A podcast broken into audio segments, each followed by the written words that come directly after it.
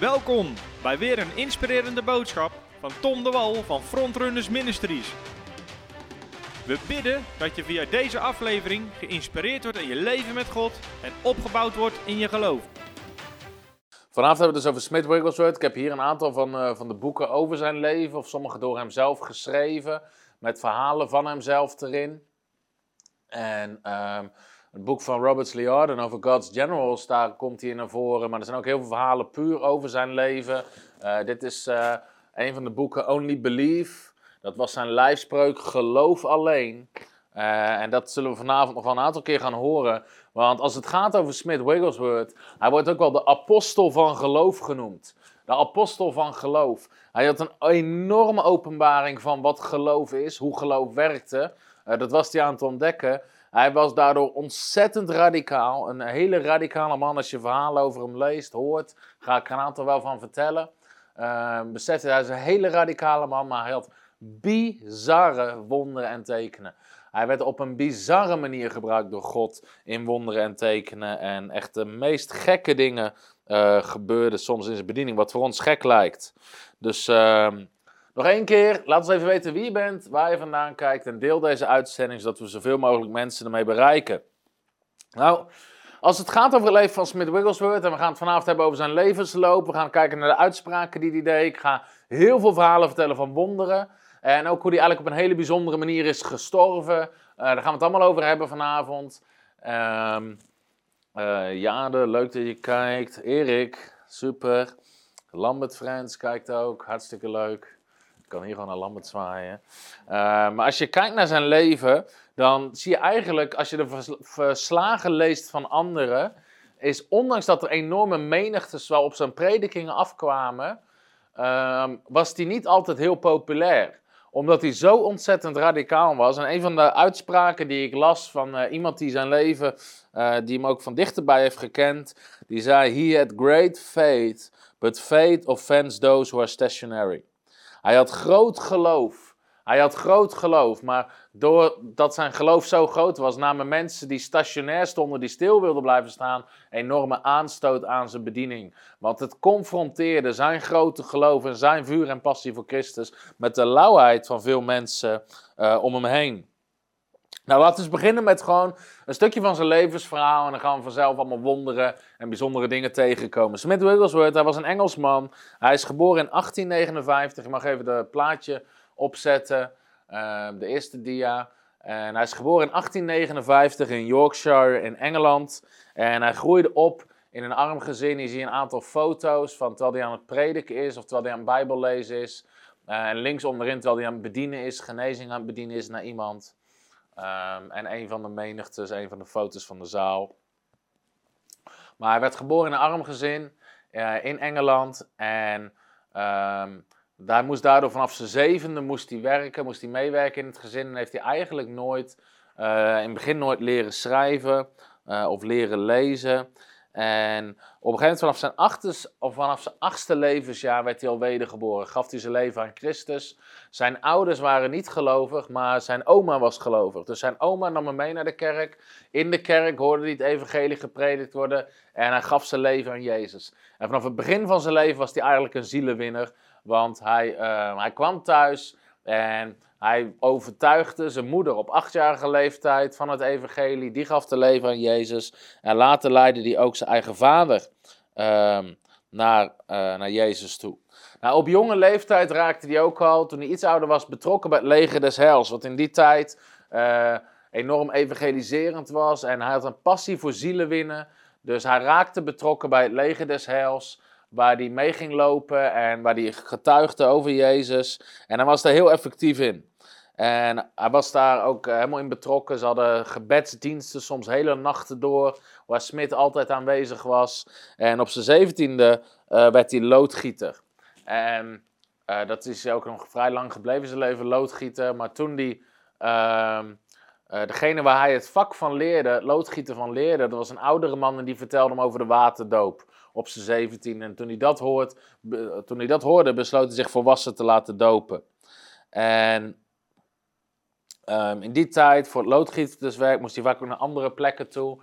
En op al die plekken, altijd als hij ergens moet werken, gaat hij ook getuigen van Jezus. Dus hij gaat naar de ziekenhuizen, hij gaat naar de havens, hij vertelt mensen van Jezus. En bijna iedere week, als je de verhalen leest over zijn leven, bijna iedere week, ondanks dat hij in dit, eigenlijk nog relatief jong is, komen er minimaal 50 mensen tot Jezus, omdat hij tegen zoveel mensen aan het getuigen is.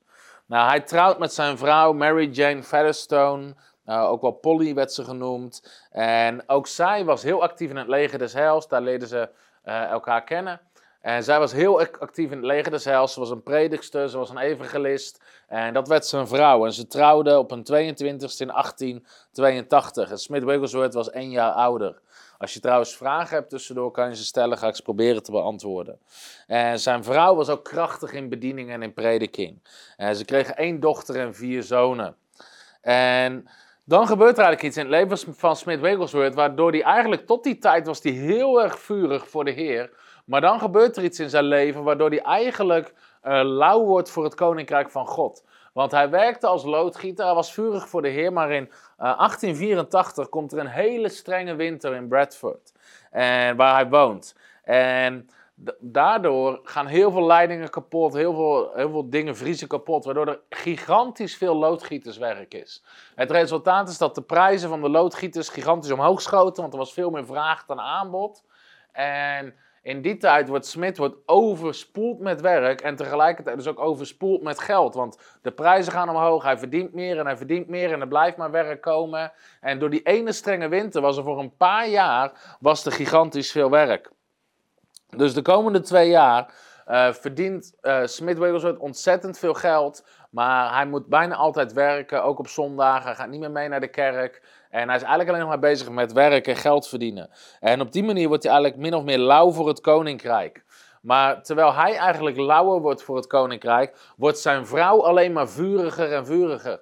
Dus zijn vrouw die was avond na avond na avond op pad met het leger des bezig in de kerk. Zij predikt in evangelisatiesamenkomsten. Ze leiden mensen tot Jezus. Dus terwijl Smith Wigglesworth eigenlijk van het pad van God afraakt en helemaal in de wereld zit verwikkeld, gaat zijn vrouw gaat gewoon door en die wint zielen en die, wordt, die is vol vuur voor Jezus Christus. En dan is eigenlijk het verhaal dat Smith zijn leven omkeert omdat iedere avond kwam zijn vrouw laat thuis uit de kerk, omdat ze iedere, iedere avond diensten deden. En op een avond is zijn vrouw weer laat thuis. En Smit Wigglesworth is boos op haar.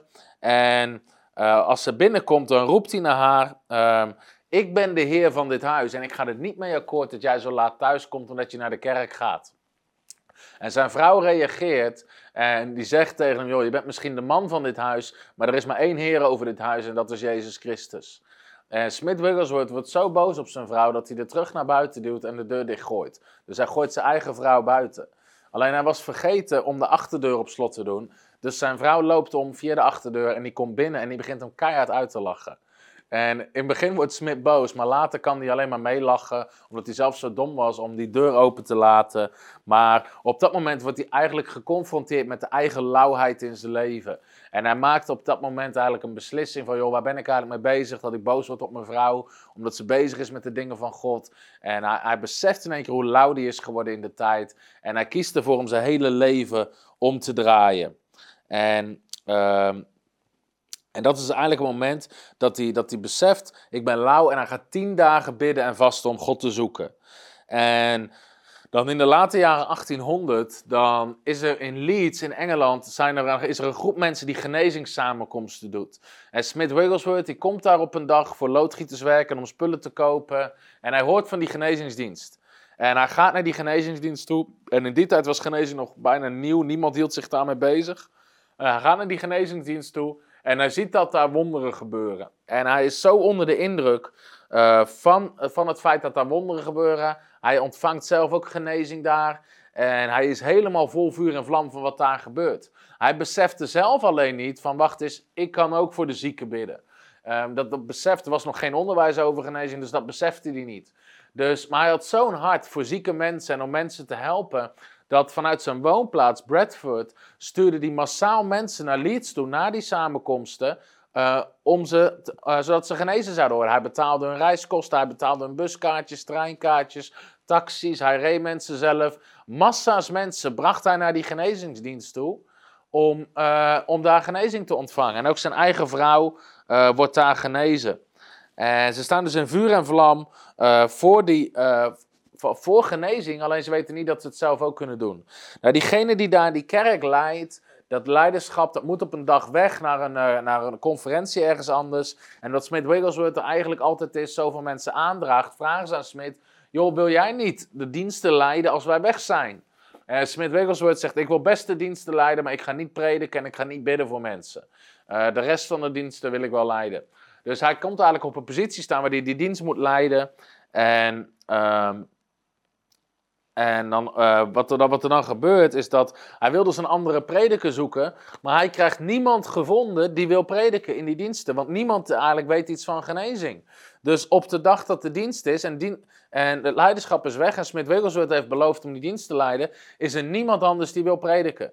En uh, hij heeft niemand kunnen vinden. Hij wil de dienst niet afzeggen. Dus uiteindelijk besluit hij toch maar om zelf iets te delen uit het woord van God. En daarna te gaan bidden voor de zieken. Hoewel hij eigenlijk helemaal niet beseft dat hij dat zelf ook kan. En uh, die dienst komen er 15 mensen naar voren voor gebed. En de eerste die naar voren komt uh, is een man op krukken. En Smith Wigglesworth die legt zijn hand op hem, die bidt heel simpel voor hem. En die man geneest, die houdt zijn krukken in de lucht en die rent door de zaal heen. En dat is eigenlijk het begin van zijn genezingsbediening. Dat hij beseft, wacht eens, ik kan ook bidden voor de zieken en genezing uitdelen. En daardoor besluit hij, ook in Bradford, waar hij met zijn vrouw een kerk was gestart, hadden ze nog nooit genezingsdiensten gedaan. Ze stuurden iedereen naar Leeds, toen naar die andere plek, om daar ook een genezingsdienst te doen. Dus daar doet Smit zijn allereerste eigen genezingsdienst. En op die avond komen er twaalf mensen naar voren voor genezing. En een van de eerste die naar voren komt is hartstikke blind. Die man is blind. En Smith Wigglesworth legt zijn handen op hem en zijn ogen gaan open en hij begint te zien. Een andere vrouw die heeft een tumor. En op het moment dat Smith Wigglesworth handen oplegt, komt de kracht van God. En die tumor die verdwijnt totaal. Alleen een litteken blijft zitten, gebeurt ter plekke. Dus grote wonderen beginnen te gebeuren. En dat is eigenlijk het begin van zijn genezingsbediening. En een van de verhalen die Smith beschrijft in die tijd van die genezingsbediening is dat Smith Wigglesworth staat dus in vuur en vlam voor genezing. En dan wordt hij gebeld dat de vrouw uh, van, van een van zijn vrienden die ligt op sterven. En dan wordt hij, uh, wordt wordt opgehaald uh, en dan wordt gevraagd, joh, wil je niet voor haar bidden? En hij gaat dan samen met een vriend van hem en gaat hij naar, naar die vriend van hem toe om voor die vrouw te bidden. En ze zijn daar in die slaapkamer en Smith Wigglesworth laat eerst zijn vriend bidden. Hij zegt, bid jij voor die vrouw? En die vriend begint te bidden en die, en die vrouw ligt eigenlijk op sterven. Dus het enige wat die vriend bidt is, Heer, uh, we bidden dat ze vredig heen zal gaan zonder dat ze pijn heeft. En, uh, en Smith, Wigglesworth zegt, stop, stop, stop, hou je mond. En hij wijst naar die man van die vrouw. Hij zegt, hier, bid jij voor haar. En die man die begint precies hetzelfde te bidden. Van Heer, ik bid dat u mijn vrouw vredig thuis haalt zonder pijn. En terwijl die aan het bidden is, schreeuwt Smith Wigglesworth zo hard dat de mensen op straat het horen. Schreeuwt hij, Heer, stop ze, stop ze, stop ze. En hij bidt dus, hij schreeuwt uit naar God dat ze stoppen met bidden. Hij pakt uit zijn jaszak een fles met olie. En hij is zo verbolgen in de geest over het ongeloof en, en, en dat, dat ze niet bidden voor genezing. Dat hij schroeft die fles olie open en hij giet die hele fles olie over die vrouw heen die op dat bed ligt. En terwijl hij dat doet, ontstaat er eigenlijk een soort, soort wolk van de heerlijkheid van God. En hij ziet in een visioen, ziet hij Jezus staan, die glimlacht naar die vrouw, die legt zijn hand op die vrouw. En die vrouw geneest op dat moment totaal. En een enorm wonder gebeurt daar op dat moment. En Smith Wigglesworth is zo hongerig naar het woord van God, dat, ik zal er later nog een ander verhaal over vertellen, maar in zijn huis mocht niks anders binnenkomen dan de Bijbel. Er mochten geen kranten binnenkomen, er geen nieuwsartikelen, helemaal niks, alleen maar de Bijbel. Hij had ook altijd de Bijbel bij zich. Hij had altijd de Bijbel bij zich. Sterker nog, hij beloofde, en Jan Sjoerd Pasterkamp uh, heeft mij dit verhaal verteld. Jan Sjoerd kende mensen die onder Smit Wigglesworth hebben meegelopen. Jan Sjoerd vertelde mij dat Smit Wigglesworth beloofde 5 pond, in die tijd best wel een flink geldbedrag, aan iedereen die hem zou betrappen zonder Bijbel. Omdat hij altijd zijn Bijbel bij de hand had. Ook als je verslagen leest uh, van, uh, van Lester Sumrall. Lester Sumrall, een grote man van God, die hoort van Smith Wigglesworth en, hij gaat op bezoek bij Smith Wigglesworth. En dan heeft hij een krant onder zijn ene arm, omdat hij met een paar uur met de trein moest reizen. En zijn tas met zijn Bijbel in zijn andere hand. En Smith Wigglesworth doet de deur open en die zegt, wat heb je? Hij zegt een krant. Hij zegt, ik hoef dat ding van de duivel niet in mijn huis en hij doet de deur weer dicht. En, Smith, en, en Lester Sommer moest eerst een krant weg gaan gooien voordat hij überhaupt binnenkwam bij, uh, bij Smith Wigglesworth. Dus hij was enorm radicaal daarin. En um, de Smith Wigglesworth die riep altijd: Je krijgt van mij vijf pond als je mij betrapt zonder Bijbel. Ik heb altijd mijn Bijbel bij de hand. En Lester Sommer vertelt ook dat hij dan voor het eerst bij Smith Wigglesworth thuiskomt en dat hij hem vragen wil stellen. Maar Smith Wigglesworth zegt: Nee, we gaan eerst uit de Bijbel lezen. En dat Smith Wigglesworth hoofdstuk na hoofdstuk na hoofdstuk leest. Hij zei dan: Nu gaan we bidden. En dan was hij een hele tijd aan het bidden, dat Lester Summerall zelfs dacht van, joh, stop nou, ik wil vragen stellen. En dan zei Smith Wigglesworth, amen, dat was het. En dan stuurde hij hem naar huis. En zo ging dat heel vaak, omdat hij was altijd bezig met het woord en met gebed. En dus Jan Sjoerd vertelde mij, Smith Wigglesworth beloofde vijf pond aan iedereen die hem zou betrappen zonder Bijbel. Nou, op een dag, dat is later in zijn bediening, dit verhaal, maar toen moest Smith Wigglesworth moest, uh, op, een op een bijbelschool lesgeven, een paar dagen achter elkaar.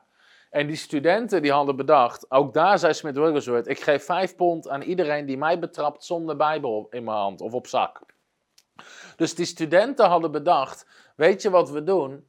We wachten totdat hij s'nachts naar het toilet moet. We gaan s'nachts op de gang zitten wachten. Want als hij s'nachts naar het toilet moet en hij loopt in zijn pyjama, heeft hij nooit een Bijbel bij de hand. En dan hebben we vijf pond van hem. En dan hebben we hem te kakken gezet. En ze wachten en ze wachten. En de eerste nacht komt hij niet. En de tweede nacht komt hij niet. Maar de derde nacht komt Smith Wigglesworth naar buiten omdat hij naar het toilet moet. En midden op de gang houden ze hem aan en zeggen ze: Nou, meneer Wigglesworth, laat uw Bijbel maar zien en anders geeft u ons vijf pond. En Smith Wigglesworth pakt uit de binnenzak van zijn pyjama een Nieuwe Testament. En hij zegt: Zie je wel, ik heb altijd mijn Bijbel bij. Dus zelfs als hij s'nachts naar het toilet ging, stopte hij zijn Nieuwe Testament in zijn binnenzak. Uh, maar hij was enorm radicaal. Uh, enorm radicaal voor de Heer. En in 1907 wordt hij gedoopt in de Heilige Geest, begint hij met, uh, in tongentaal te spreken. En ook heel veel van zijn bedieningen is eraan gewijd om anderen te dopen in de geest en in tongentaal te laten spreken. En de eerste dienst waarin hij dat doet in zijn eigen gemeente worden er 50 mensen gedoopt in de geest en spreken in tongentaal. En als je het verslag van zijn vrouw leest, die zegt vanaf het moment, dus hij was al radicaal voor de hij had al grote wonderen en tekenen, maar zijn vrouw beschreef van vanaf het moment dat hij gedoopt werd in de geest, kwam er zoveel dimensie en diepte en kracht in zijn, in zijn predikingen, dat zijn eigen vrouw hem niet eens meer herkent. In de eerste dienst waar Smith Wigglesworth spreekt, nadat hij gedoopt is in de geest, beginnen mensen te lachen in de geest en vallen op de grond. En dat is het begin van de Bradford-opwekking, die ontstond uit de bediening van Smith Wigglesworth. En in die tijd worden honderden mensen daar in dat gebied gedoopt in de Heilige Geest en beginnen te spreken in tongentaal. En uh, de geest van God, dat is weer andere verhalen, maar Smith Wigglesworth had een enorme passie voor zielen winnen, al vanaf dat hij bij het leger des heils ging, jaren daarvoor. Hij had een enorme passie voor zielen winnen. En er zijn ook bizarre verhalen dat hij geloofde ook dat de tegenwoordigheid van God op hem en de kracht van God op hem mensen automatisch kon overtuigen. Dus er zijn verhalen dat hij gewoon in de bus zit om ergens naartoe te gaan. Hij zit zijn Bijbel te lezen en links en rechts en overal om hem heen komen mensen tot geloof. Die beginnen het uit te roepen voor de genade van God. Uh, er is een verhaal in, in Bradford, dus waar hij woont, dat hij twee vrouwen in het veld aan het werk ziet. En dat hij van afstand roept, zijn jullie wel gered? En met dat ze omkijken en hem aankijken, vallen ze op de grond, vallen ze op hun knieën en geven ze hun leven aan Jezus. En hij is een enorme zielenwinner geweest, altijd. En er is één verhaal dat hij in het buitenland was. Later in zijn bediening is hij meer gaan reizen. Maar dat hij in het buitenland bij een busstation stond te wachten om ergens naar een kerkdienst te gaan preken. En er staan vijf mensen om hem heen. En hij heeft een enorme drang om ze alle vijf tot Jezus te leiden. Maar hij spreekt hun taal niet. Dus hij weet niet hoe hij het moet doen. En dan besluit hij, hij zegt, wacht eens, Christus leeft in mij. Christus leeft in mij. En hij loopt naar de eerste van de vijf toe. Hij pakt hem beet en hij kijkt hem in zijn ogen. En hij gelooft gewoon dat doordat mensen in zijn ogen konden kijken, dat ze ontmoetingen met Jezus konden hebben. En alle vijf leidt hij op die manier tot de Heer. Hij pakt ze beet, hij kijkt ze aan, hij beseft Christus leeft in mij. En mensen die die beet pakt, vallen gewoon op de grond onder de kracht van God en komen tot geloof. Zo'n enorme kracht van God uh, was er op, op zijn leven. En omdat zijn genezingsbediening Um, eigenlijk mensen horen van de wonderen. In die tijd was hij nog gewoon loodgieter. En van over heel de wereld kwamen de brieven met vragen voor gebed. En dat is eigenlijk dat moment dat Smith Wigglesworth, hij zegt, heer, ik kan niet en loodgieter zijn en voor al deze mensen bidden en prediken. Dus ik stop met het loodgieten. Ik ga vol tijd voor u leven. Ik ga vol tijd voor u reizen. En hij zei, op de enige voorwaarde dat we nooit tekort zullen hebben voor het gezin. Dus het moment dat mijn schoenzolen verslijten en ik geen nieuwe kan kopen, stop ik ermee en ga ik uit de bediening. En dat was de afspraak die hij maakte met God. En hij heeft dat nooit hoeven doen, want God heeft altijd voor hem voorzien. En eigenlijk gebeurt er dan iets in zijn leven wat best heel heftig is, maar ook een bizar verhaal is. Uh, Smith Wiggles heeft namelijk meerdere mensen uit de dood opgewekt. Uh, eh, 12 of 14 totaal. Uh, maar één daarvan was zijn eigen vrouw. En hoewel die meteen daarna weer overleed. Het is eigenlijk een bizar verhaal. Maar zijn vrouw was ook vurig voor God. Was een krachtige evangelist. En hij zei zelf: Mijn vrouw zei altijd. Als ik aan het spreken ben, voel ik me zo dicht bij Jezus. En ben ik zo in, met mijn geest in de hemel. Dat ik er op een dag gewoon niet meer zal zijn na het spreken. En um, dus dat is wat zijn vrouw altijd zei. Ze Smit, als ik aan het preken ben, als ik voor die mensen sta te spreken, ik ervaar gewoon alsof ik al in de hemel ben. Alsof, weet je, ik ben zo dicht bij Jezus. Zegt, op een dag, zegt de dag dat ik ga, is gewoon als ik aan het spreken ben en dan in één keer neemt de Heer me weg. Dat is wat ze zegt, dat is hoe ze het ervaart. En op een dag is zijn vrouw s'avonds aan het spreken en Smith Wigglesworth moet naar een andere plek toe om te bedienen en te bidden voor zieken. Uh, en zijn vrouw is aan het spreken in die dienst. De heerlijkheid, de kracht van God is er. En als die dienst afgelopen is, gebeurt er iets bizars. Zijn vrouw, uh, die loopt de kerk uit, die, loopt, uh, die pakt de deurklink beet. En op het moment dat ze de deurklink beet pakt en uit de kerk loopt, stort ze in elkaar en is ze overleden.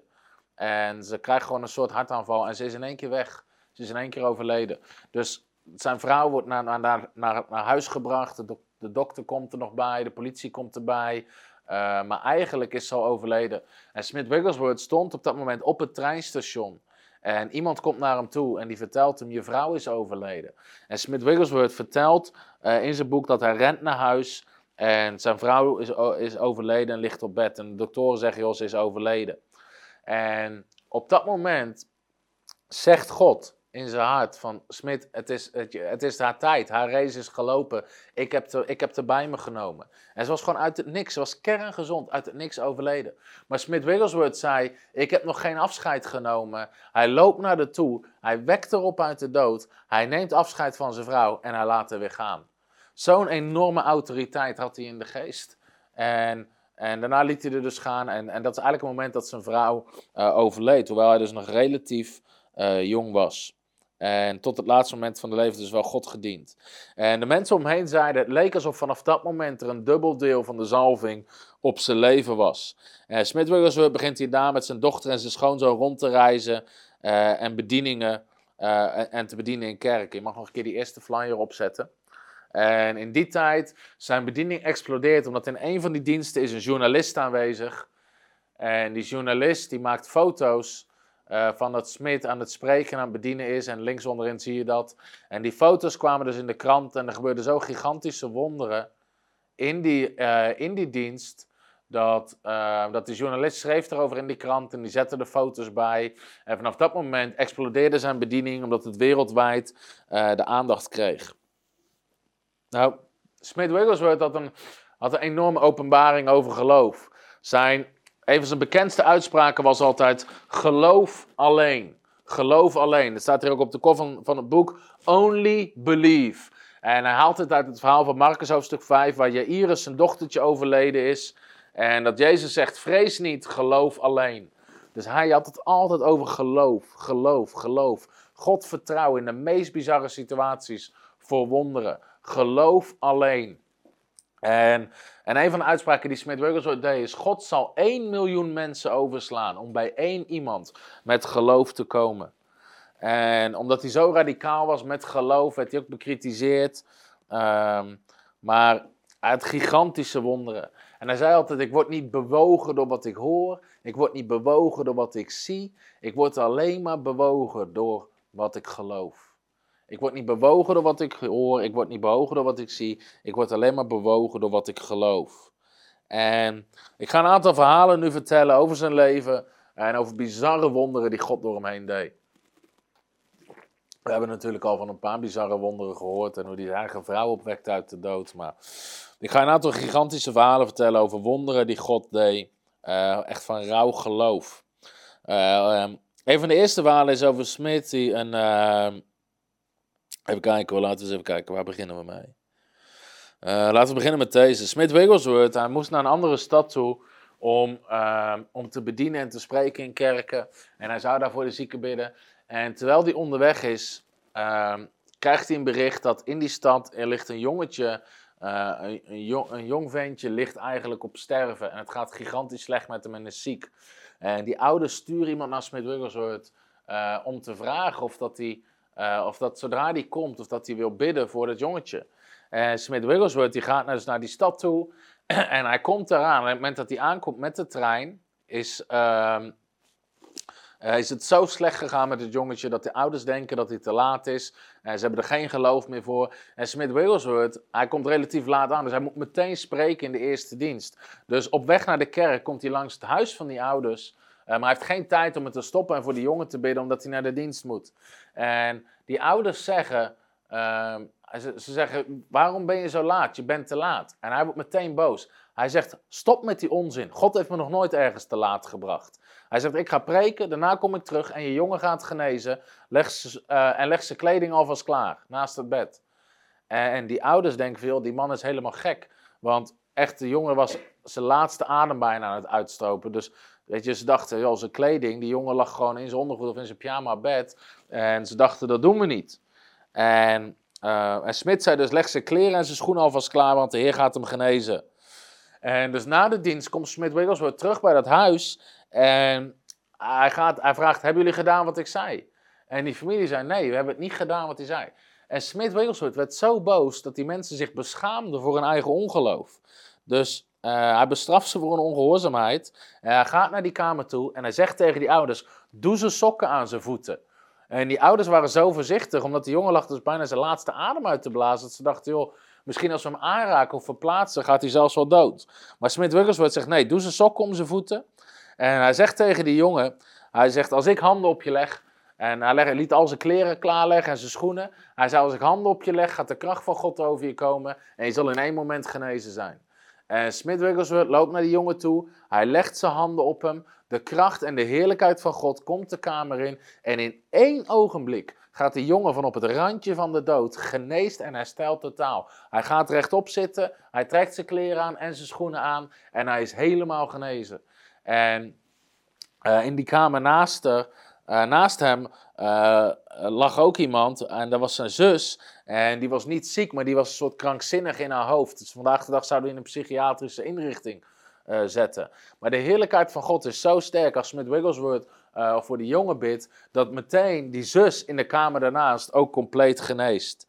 En het hele dorp hoort van het wonder. En opwekking breekt uit in het dorp en gigantisch veel wonderen en tekenen gebeuren daar. En dat was dus dat hij zei tegen die ouders, doe ze kleren alvast aan, doe ze schoenen aan, uh, leg, ze, sokken klaar.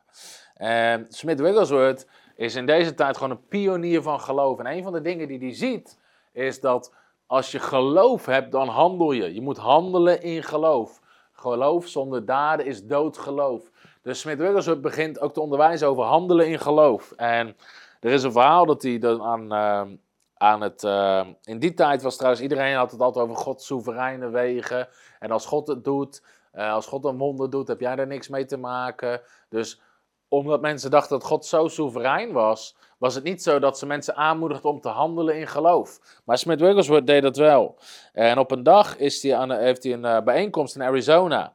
En dan komt er een vrouw en die haar hele longen zijn kapot van de tuberculose. En ze kan amper lopen. Uh, weet je, daar raakt ze al helemaal vermoeid van.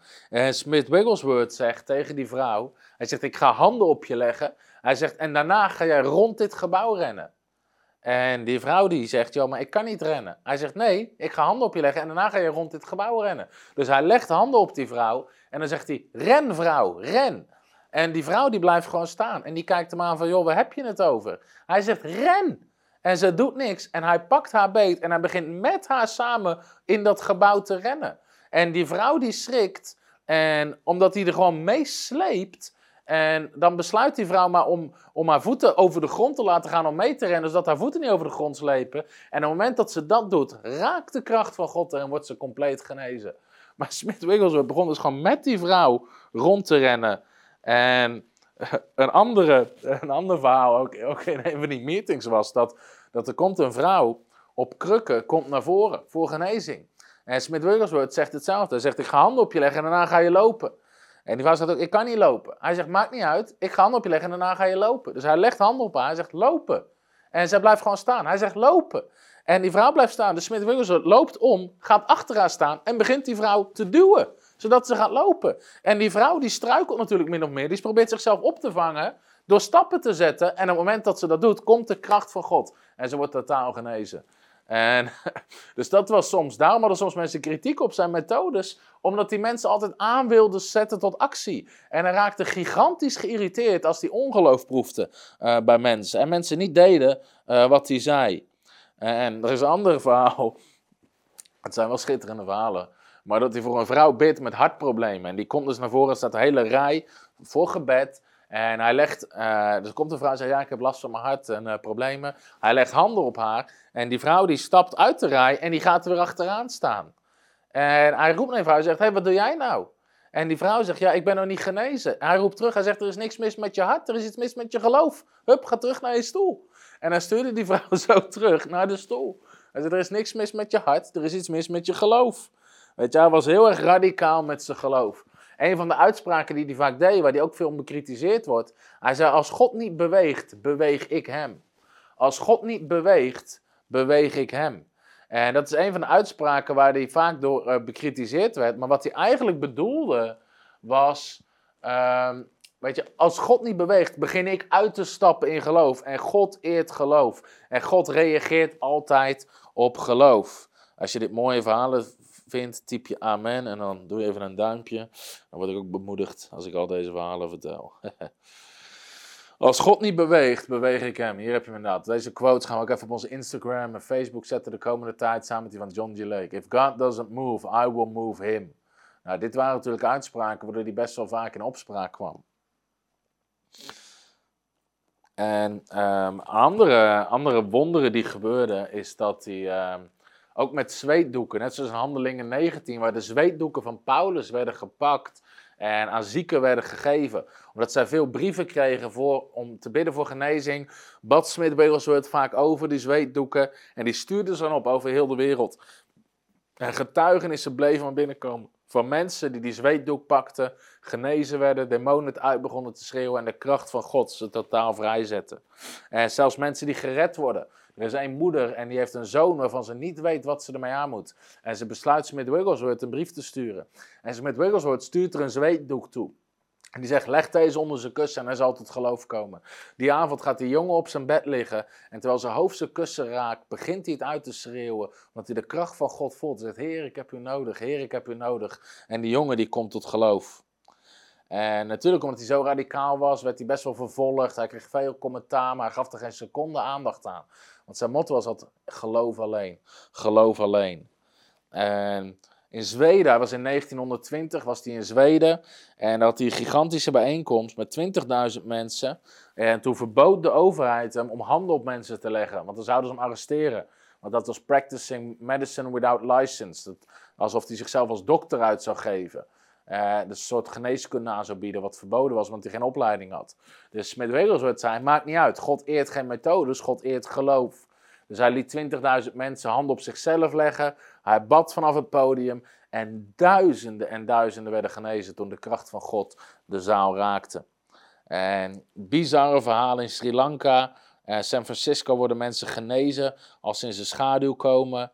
En weet je, hij was enorm, hij was altijd bezig met gebed. Een van de andere uitspraken, ik denk dat we hier ook tussen hebben staan, is dat, hij, dat iemand vroeg aan hem, hoe lang bid je altijd? En hij zei, ik bid nooit langer dan 30 minuten. Maar aan de andere kant bid ik ook, ga ik, laat ik ook nooit 30 minuten voorbij gaan zonder dat ik bid. Dus hij zegt altijd, ik bid nooit langer dan 30 minuten. Gewoon dus zijn gebedsleven. Maar ik laat ook nooit langer dan 30 minuten voorbij gaan zonder dat ik bid. I don't often spend more than half an hour in prayer, but I never go more than half an hour without praying. Dus had een enorm sterk gebedsleven. En er is een verhaal in het buitenland waar hij in een taxi zit en hij wordt naar een dienst gereden om te spreken. En ze rijden langs een paar heuvels en velden. En Smith Wigglesworth zegt dan in die taxi, hij zegt tegen de taxi, hij zegt stop, stop, stop hier. En die taxichauffeur stopt en die heeft geen idee waarom. Smith Wigglesworth stapt uit de auto. Hij zegt, wacht, ik ben zo terug. En hij loopt het gras in, hij loopt de heuvel over. En ongeveer 10 minuten later komt hij terug. En hij stapt die auto in en hij zegt, ga weer verder. En hij vertelt verder helemaal niet wat er gebeurd is. En, en die taxichauffeur snapte niet wat hij had gedaan. Hij dacht, joh, laat maar, misschien moest hij naar het toilet. Ik weet het niet, laat maar gaan. In ieder geval, in dat land is er jaren later een gigantische gemeente. En op een dag vraagt iemand aan die voorganger... Hij zegt van, joh, hoe ben je eigenlijk tot geloof gekomen? En die voorganger vertelt het verhaal. En hij zegt, ja, ik was gewoon aan het werk in het veld, was een herder. Hij zegt, en op een dag komt er een Engelsman de heuvel overgelopen... En die, die vertelt mij het evangelie, leidt mij tot Christus. Hij bidt voor me, hij bidt met me. Hij loopt terug de heuvel over en ik heb hem nooit meer gezien. En ze vragen, is dit de man? En ze laten een foto zien van Smith Wigglesworth. En hij zegt, ja, dat is hem.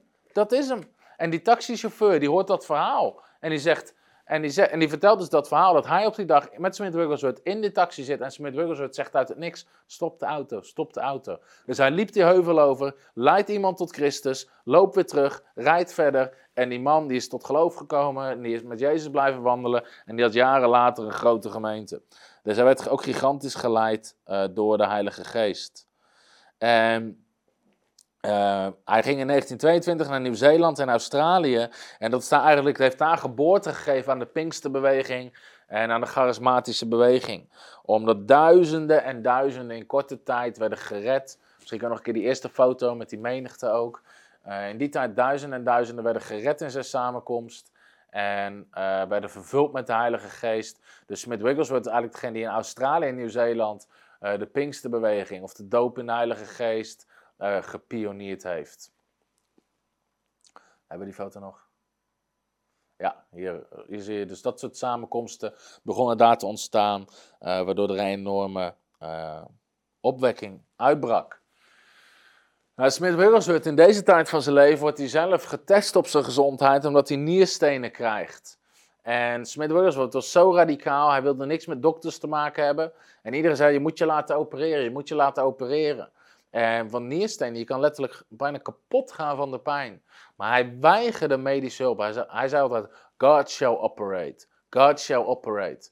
En meer dan drie jaar lang loopt hij met nierstenen. En soms wordt de pijn zo ondraaglijk dat hij tijdens het bedienen naar de wc moet. Gewoon op de grond ligt van de pijn, totdat de pijn weer zakt. En dan ging hij terug de zaal en hij ging terug om voor de mensen te bidden.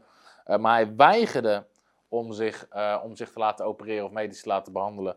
Maar na drie jaar wordt hij compleet genezen. En in 1932, en dit is een bijzonder verhaal, in 1932, terwijl hij dus ook in deze pijn zit en niet mee te maken heeft, uh, zegt hij tegen God, hij zegt, Heer, ik wil nog 15 jaar leven. Ik wil nog 15 jaar leven, geef me 15 jaar meer. En, want hij had wel zoiets, joh, ik weet niet hoe lang met dit, deze pijn, hoe lang ik nog, weet je, door kan gaan. Maar hij had altijd een uitspraak. Want mensen zeiden, ja, waar, weet je, hoe werkt je geloof nou? Waar is je geloof? Waarom genees je niet? En zelfs Jezus, en dit is wel een interessante uitspraak van Jezus in Lucas hoofdstuk 4. Uh, daar zegt Jezus dit tegen mensen die niet in hem geloven.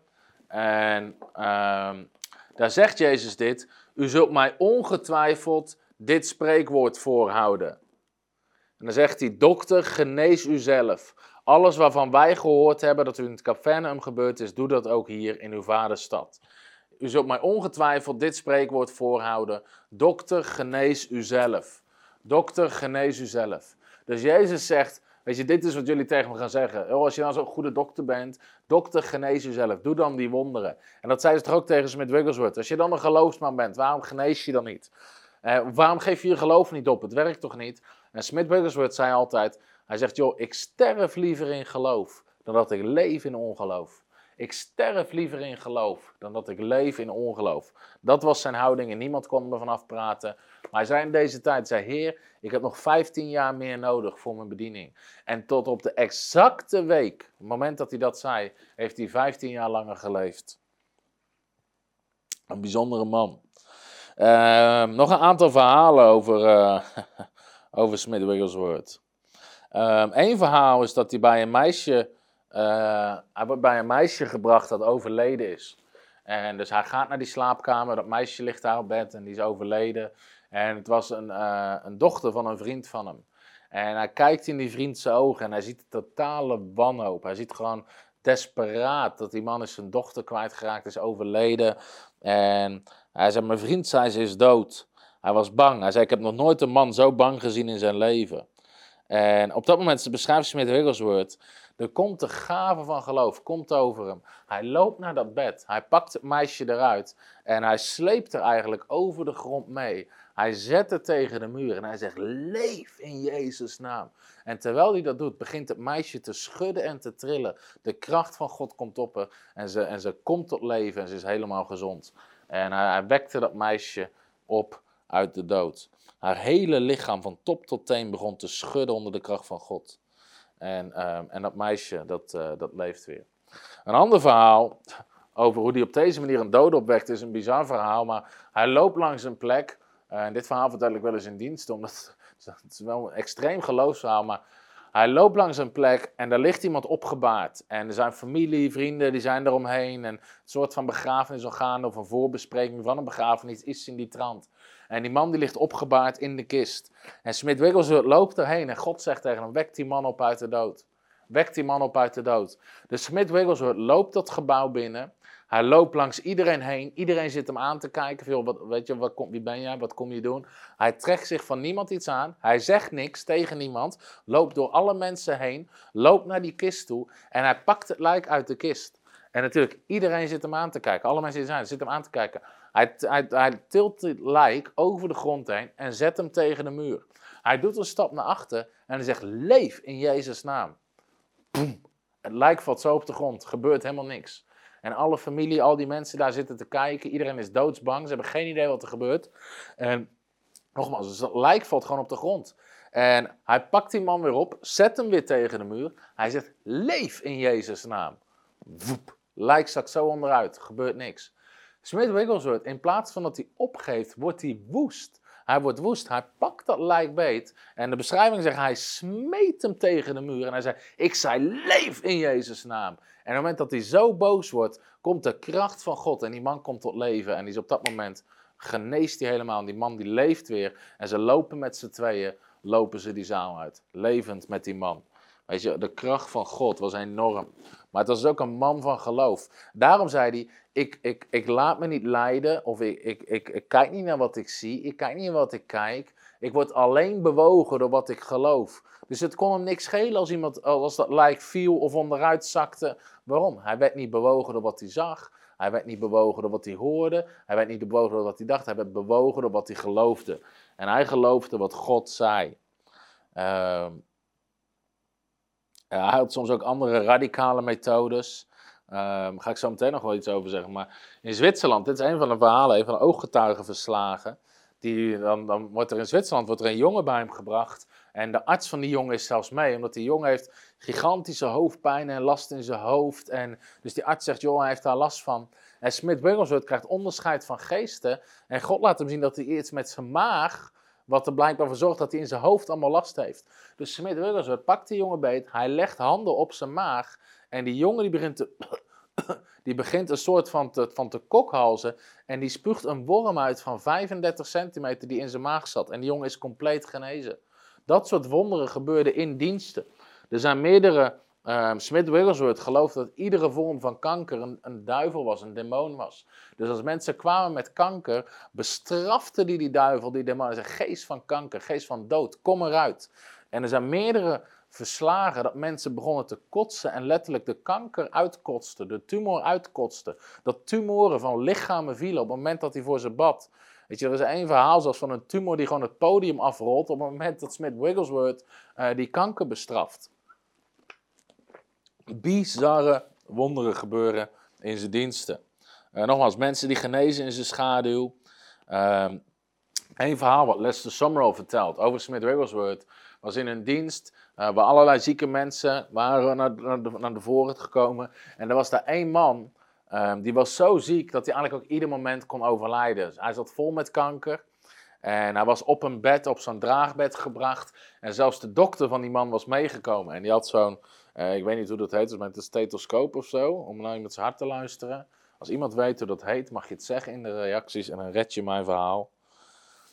Um, maar goed, die, uh, die dokter zat dus zelfs mee te luisteren na zijn hart, omdat die man ieder moment kon overlijden. Zodat dit als die man overlijdt, halen hem uit de dienst, dan heeft het geen zin meer. Dus die man ligt op dat bed met zijn lichaam vol met kanker. Uh, kan ieder moment zijn laatste adem uitblazen. En, en Smith Wigglesworth loopt langs die rij om te bedienen, voor, eh, om te bedienen naar de mensen. En hij zegt tegen die man, hij zegt, sta op uit je bed. Dus de mensen omheen, die helpen omhoog. Hij zegt, wat is er mis? En die arts zegt, hij heeft kanker in zijn maag. En Smith Wigglesworth, die kijkt hem aan en zegt, devil, I rebuke you. En hij slaat die man in zijn maag. Dus hij slaat hem, die man valt op de grond. En die dokter roept, wat doe je nou? Je slaat hem dood, je slaat hem dood. Want die luistert met dat ding en die man, zijn adem is. En Smith Wigglesworth zegt, je moet je mond houden, hij is genezen. En die loopt door naar de volgende. En die gaat gewoon door met bidden voor de volgende. En die arts is helemaal in paniek. Maar binnen een minuut komt de kracht van God over die man. En die wordt totaal genezen. Die man dus op de grond ligt, die is met het soort van neer had geslagen. Wordt totaal genezen. Alle kanker is uit zijn lichaam. Hij staat op en hij gaat dansend in zijn ziekenhuisbed door die zaal heen, omdat God hem totaal genezen heeft. Dankjewel Tessa en Sabina voor de stethoscoopbevestiging. Um, maar goed, dat, dat soort wonderen gebeurden er. Um, even kijken, wat kunnen we nog meer vertellen? Er zijn er nog zat. Um, ja, Smit Burgers had het heel vaak over, over de gave van geloof. De gave van geloof. Op een gegeven moment komt hij bij iemand thuis en wordt hem verteld dat er een jonge moeder, uh, maar ze gedraagt zich totaal bezeten. Ze ligt alleen nog op bed, ze wil met niemand iets te maken hebben. De ogen draaien weg. En ze hadden net een kind gekregen, dus die vader. De Smit staat erbij in dat huis. En die man van die vrouw probeert haar te kussen, maar ze draait weg. Ze wil er niks mee te maken hebben. De baby mag er niet aanraken. Totaal demonisch. En Smith Wigglesworth beschrijft dat hij staat daar in die kamer. En dan zegt hij, Lord, I need another faith. I need another faith. En dan zegt hij, ik gebruik mijn geloof om de gave van geloof te krijgen. En terwijl hij dan God aan het zoeken is, in één keer komt de kracht van God op hem. En uh, hij loopt naar die vrouw toe. En hij, uh, dit is wat er gebeurde. Hij zei, come out of her in the name of Jesus, you ugly devil. En dus hij loopt naar die vrouw toe, hij bestraft die demon. En die vrouw die draait om en die valt in slaap. En Smith Wigglesworth loopt op dat moment uh, loopt de kamer uit. Want hij wist in geloof, het is gebeurd. En 14 uur later werd die vrouw wakker en ze was compleet normaal genezen. Ze was mentaal helemaal gezond. Uh, die demon had haar uh, losgelaten. nog wat andere verhalen over geloof. Op een van de diensten komt er een man met een zenuwaandoening naar, naar Smith Wigglesworth toe. Hij zegt, ik heb al twee jaar lang niet meer geslapen. Of nauwelijks geslapen. Mijn huwelijk is uit elkaar gevallen, mijn bedrijf is uit elkaar gevallen, ik heb een zenuwaandoening, ik kan niet slapen. En Smith Wigglesworth kijkt die man aan en het enige wat hij zegt is, ga naar bed en slaap in Jezus' naam. En die man die kijkt hem aan van, joh, moet je niet meer doen, moet je niet voor me bidden? Dus Smith Wigglesworth zegt nog een keer, ga naar bed en kijk, eh, of, ga naar bed en slaap in Jezus' naam. En die man staat hem echt zo aan te kijken van ja, uh, maar ik kan niet slapen. En Smit Roosevelt is het zat. En die duwt die man letterlijk de kerkdienst uit. Die duwt hem de, zaal uit, duwt hem naar buiten en zegt ga slapen in Jezus' naam. En die trekt de deur achter hem dicht. Hij duwt die man zo de kerkdienst uit. En die man beschrijft, ik, hij ging naar huis, hij ging op bed liggen. Op het moment dat zijn hoofd het kussen raakt, valt hij in slaap. En de dag daarna kwam hij getuigen dat hij voor het eerst in, uh, in twee jaar lang weer had geslapen. Uh, dat soort verhalen. Nog een, nog een andere, er zijn heel veel nog bizarre verhalen van hem, maar we gaan zo meteen nog kijken naar een paar van zijn uitspraken. Um, in een van de diensten waar hij zit, gaan er op de twee voorste rijen besluiten een aantal heksen, uh, mensen die aan zwarte magie doen, besluiten om zijn dienst te verstoren. En Smith Wigglesworth, die heeft door in de geest, er klopt iets niet. En dan valt zijn oog op de voorste twee rijen, waar allemaal mensen hand in hand zitten en een soort zitten te roezemoezen. En er komt een vrijmoedigheid van God over mij. Hij loopt er naartoe en zegt, duivel, ik bestraf je. En alle twee die rijen met mensen die aan zwarte magie doen, die vallen op de grond. Die beginnen te schreeuwen en te krijsen. En ze worden allemaal vrijgezet door de kracht van God. Ander verhaal is dat er bij iemand thuis komt. Er zijn zoveel gigantische verhalen. Als je nog meer van die verhalen wil lezen, ga boeken lezen over zijn leven. Ga verslagen opzoeken. Um, op een gegeven moment komt hij bij Engeland, komt hij bij iemand thuis, bij een hele zieke vrouw. Er wordt gevraagd of dat hij naar haar thuis wil gaan om voor haar te bidden. En die vrouw ligt eigenlijk al op sterven. Dus het, ik weet niet of je wel eens iemand hebt gezien die op sterven ligt, maar Eh, aan de hele ademhaling, aan de manier waarop ze het bijlegt, kan je eigenlijk zien eh, dat iemand niet lang meer heeft. En die vrouw ook, iedere ademhaling, hokkerig, stoterig, uh, happend, happend naar adem, lijkt alsof het de laatste adem is. En Smith Wigglesworth staat naast dat bed en hij vraagt aan God, God, wat moet ik doen? En de Heilige Geest zegt tegen hem, lees Jezaja 53 hardop. Wigglesworth gaat in de stoel zitten naast het bed, pakt zijn Bijbel, begint Jezaja 53 te lezen.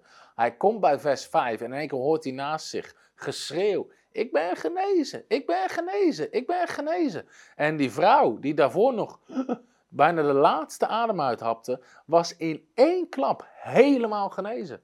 En hij vraagt aan die vrouw, wat is er gebeurd? En die vrouw beschreef, gisteren lag ik hier zo op bed en toen kreeg ik een visioen, uh, visioen van Jezus. Jezus liet me zien in een visioen dat u vandaag zou komen en exact dat je op die stoel zou gaan zitten en Jezaja 53 zou lezen. En bij het lezen van vers 5 werd ik genezen in mijn visioen. En dat is exact hetzelfde wat net gebeurd is. Uh, ook weer een bizar wonder wat gebeurd werd. Of wat, wat gebeurde. Um, ook mensen, een ander man, een man van 95, vol kanker. Hij was al drie jaar ziek, opgegeven door de artsen. Die zit gewoon in de dienst. En gewoon terwijl hij het woord van God uh, gepredikt wordt worden, verdwijnt alle kanker uit zijn lichaam en geneest hij totaal. En ook Smith Wigglesworth had enorm veel aandacht voor het woord van God. Hij predikt het woord, het woord, het woord. En, en wat ik sterk vind, uh, je ziet ook gewoon dat mensen genezen in de dienst gewoon door het woord te horen. Hagen zei hetzelfde. Hij zei mensen hij zagen totale, um, ja, destijds noemden ze het gekkenhuizen, maar wat wij zouden noemen psychiatrische inrichtingen, kwamen gewoon leeg als ze mensen maar onder het woord kregen en het woord konden laten horen en hun denken konden laten vernieuwen. Uiteindelijk meer dan 12, uh, eh, of 12 tot 14 doden uh, heeft hij opgewekt. Uh, er is nog één ander verhaal van Smith Wigglesworth van, wat ik nog wil vertellen. Op een dag, als hij aan het reizen is en hij moet spreken in een kerk, slaapt hij bij iemand thuis. En die vrouw, ehm, haar man, was, was dronken, was altijd in de kroeg, was altijd op pad, geloofde niet. En Smith Wigglesworth, die, die gaat dan naar boven, naar die slaapkamer en die slaapt dan uh, daar in dat bed. En die vrouw die ging ergens anders slapen. En de Smith Wigglesworth moest daar maar blijven één nacht. Hij sliep gewoon in dat bed, verder niks. En hij ging weer door naar zijn diensten. Die man komt de dag daarna thuis, helemaal dronken. Die gaat naar boven, die gaat in het bed liggen waar Smith Wigglesworth die nacht heeft gelegen. Op het moment dat, uh, dat hij zijn bed raakt, dan raakt de zalving, de kracht van God hem, die dus op Smith Wigglesworth was, die op dat bed was gekomen. Die man is in één klap nuchter en die komt tot Jezus daar te plekken.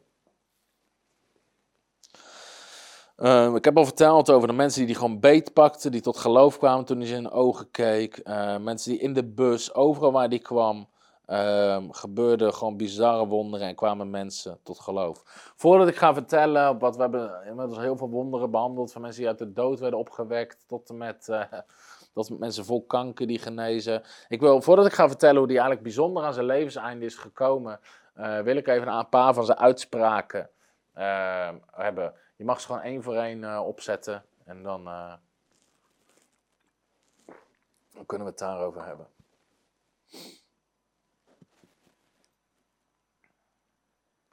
Een paar uitspraken die Smith Wigglesworth heeft gedaan, die je een beetje helpen om de mindset te pakken die hij heeft gedaan.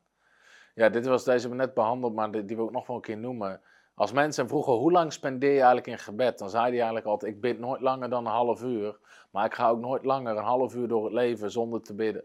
Dus, dus hij bad eigenlijk ieder uur een half uur. Dus in ieder geval de helft van zijn dag was hij altijd in gebed en was hij aan het praten met God. Wacht de volgende.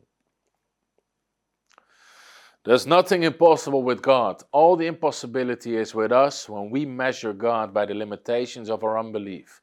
Niks is onmogelijk voor God. Dat zegt de enige onmogelijkheid zit dus in ons ongeloof. Zit in ons ongeloof. Het heeft nooit iets met God te maken. Nou, daar was hij uniek in, in die tijd. En dat zie je ook heel sterk in de wonderen. Het maakt niet uit of iemand op het punt stond zijn laatste adem uit te happen.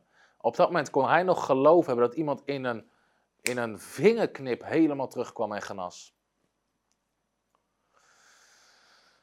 Uh, deze, it's an awful condition to be satisfied with one's spiritual attainments. God is looking for hungry and thirsty people. Hij zegt, het is verschrikkelijk, it's awful, als je verzadigd bent met wat je geestelijk hebt bereikt. Want God zoekt voor hongerige en dorstige mensen. Dus hij was altijd op zoek naar meer van Gods kracht, naar meer kennis van het woord van God. Hij zei, het is een verschrikkelijke status als je denkt dat je geestelijk op de juiste plek al bent. Want God is op zoek naar hongerige en dorstige mensen. Dit zei hij toen hij ziek werd, dus toen hij de nierstenen had. En dan vraagt iemand van jou, hoe, uh, hoe voelt je lichaam dan? Hij zegt, ik vraag nooit aan mijn lichaam hoe het zich voelt, ik vertel mijn lichaam hoe het zich moet voelen. En zelfs onder de meest bizarre pijnen was hij aan het bedienen, was hij aan bidden, was hij aan het bidden voor mensen en mensen genazen onder zijn handen. Deze ook. Hij zegt, je zal meer doen in één jaar als je echt gevuld bent met de Heilige Geest. En dat je in 50 jaar kan doen zonder de Heilige Geest. Je kan meer doen in één jaar als je gevuld bent met de Heilige Geest. Dat is een enorme openbaring over de Heilige Geest. Ook de Heilige Geest van God, God zelf woont in je. Hij zegt als je gevuld bent met de Heilige Geest. Hij had het over yielding to the Holy Ghost. Vasthouden, zijn leiding volgen. Altijd zijn leiding volgen. Hij zegt dan doe je in één jaar meer dan 50 jaar zonder hem. Deze we net behandeld. If God doesn't move, I will move him. Als God niet beweegt, zal ik God bewegen. En had hij dus over zijn geloof. Als ik uitstap in geloof, zei hij, God eert geloof. you can't deal with the devil gently. Kan je deze even klein opzetten? You can't deal with the devil gently. Hij was dus altijd enorm hard. Uh, met demonen, met duisternis. Hij was nooit vriendelijk daartegen. En een grappig verhaal is dat Smith Wigglesworth staat op een dag bij de bus te wachten. En dan komt er een vrouwtje aan en die moet ook met die bus mee. En dat vrouwtje heeft zo'n heel klein hondje wat lekker achteraan loopt. Die was vanaf huis meegelopen. En die, die hond mocht niet mee in de bus. Die moest terug naar huis. Dus dat vrouwtje zegt tegen dat hondje van, ga terug naar huis. En het hondje bleef gewoon zo staan kwispelen en eraan kijken. En dat vrouwtje zegt nog een keer, ga terug naar huis. En dat hondje staat daar nog steeds, gewoon te kwispelen en eraan te kijken en die ging niet. En dat vrouwtje wordt boos, die stampt op de grond zegt, ga terug naar huis. En dat hondje, vroep, schiet terug naar huis. En Smith Wigglesworth zei, dat is hoe je om hoort te gaan met de duivel. you can't deal with the devil gently. Ja, mag je volgende doen. Dat waren ze? Oké, ik heb er hier nog een paar die we niet op, uh, niet op afbeelding hebben. Uh, angst twijfelt, geloof springt. Angst twijfelt, zei hij altijd, geloof springt. Als die mensen zich twijfelen of voorzichtig zag zijn, zei hij, angst twijfelt, geloof springt. Angst twijfelt, geloof springt. Of God zal een miljoen mensen overslaan om bij één iemand te komen die geloof heeft. God zal een miljoen mensen overslaan om bij één iemand te komen die geloof heeft. Uh, over de Heilige Geest die in hem woonde, zei hij: In me is working a power stronger than every other power. In me is working a power stronger than any other power. The life that is within me is a thousand times bigger than I am outside. Het leven, de kracht die in mij woont, is nog duizend keer zo groot, zegt hij, als, als, als de kracht die buiten me is. Bum, Ik denk dat we de rest. Uh, There's nothing that our God cannot do. He will do everything if you dare to believe. If you dare to believe. Dus dat zijn een aantal uitspraken.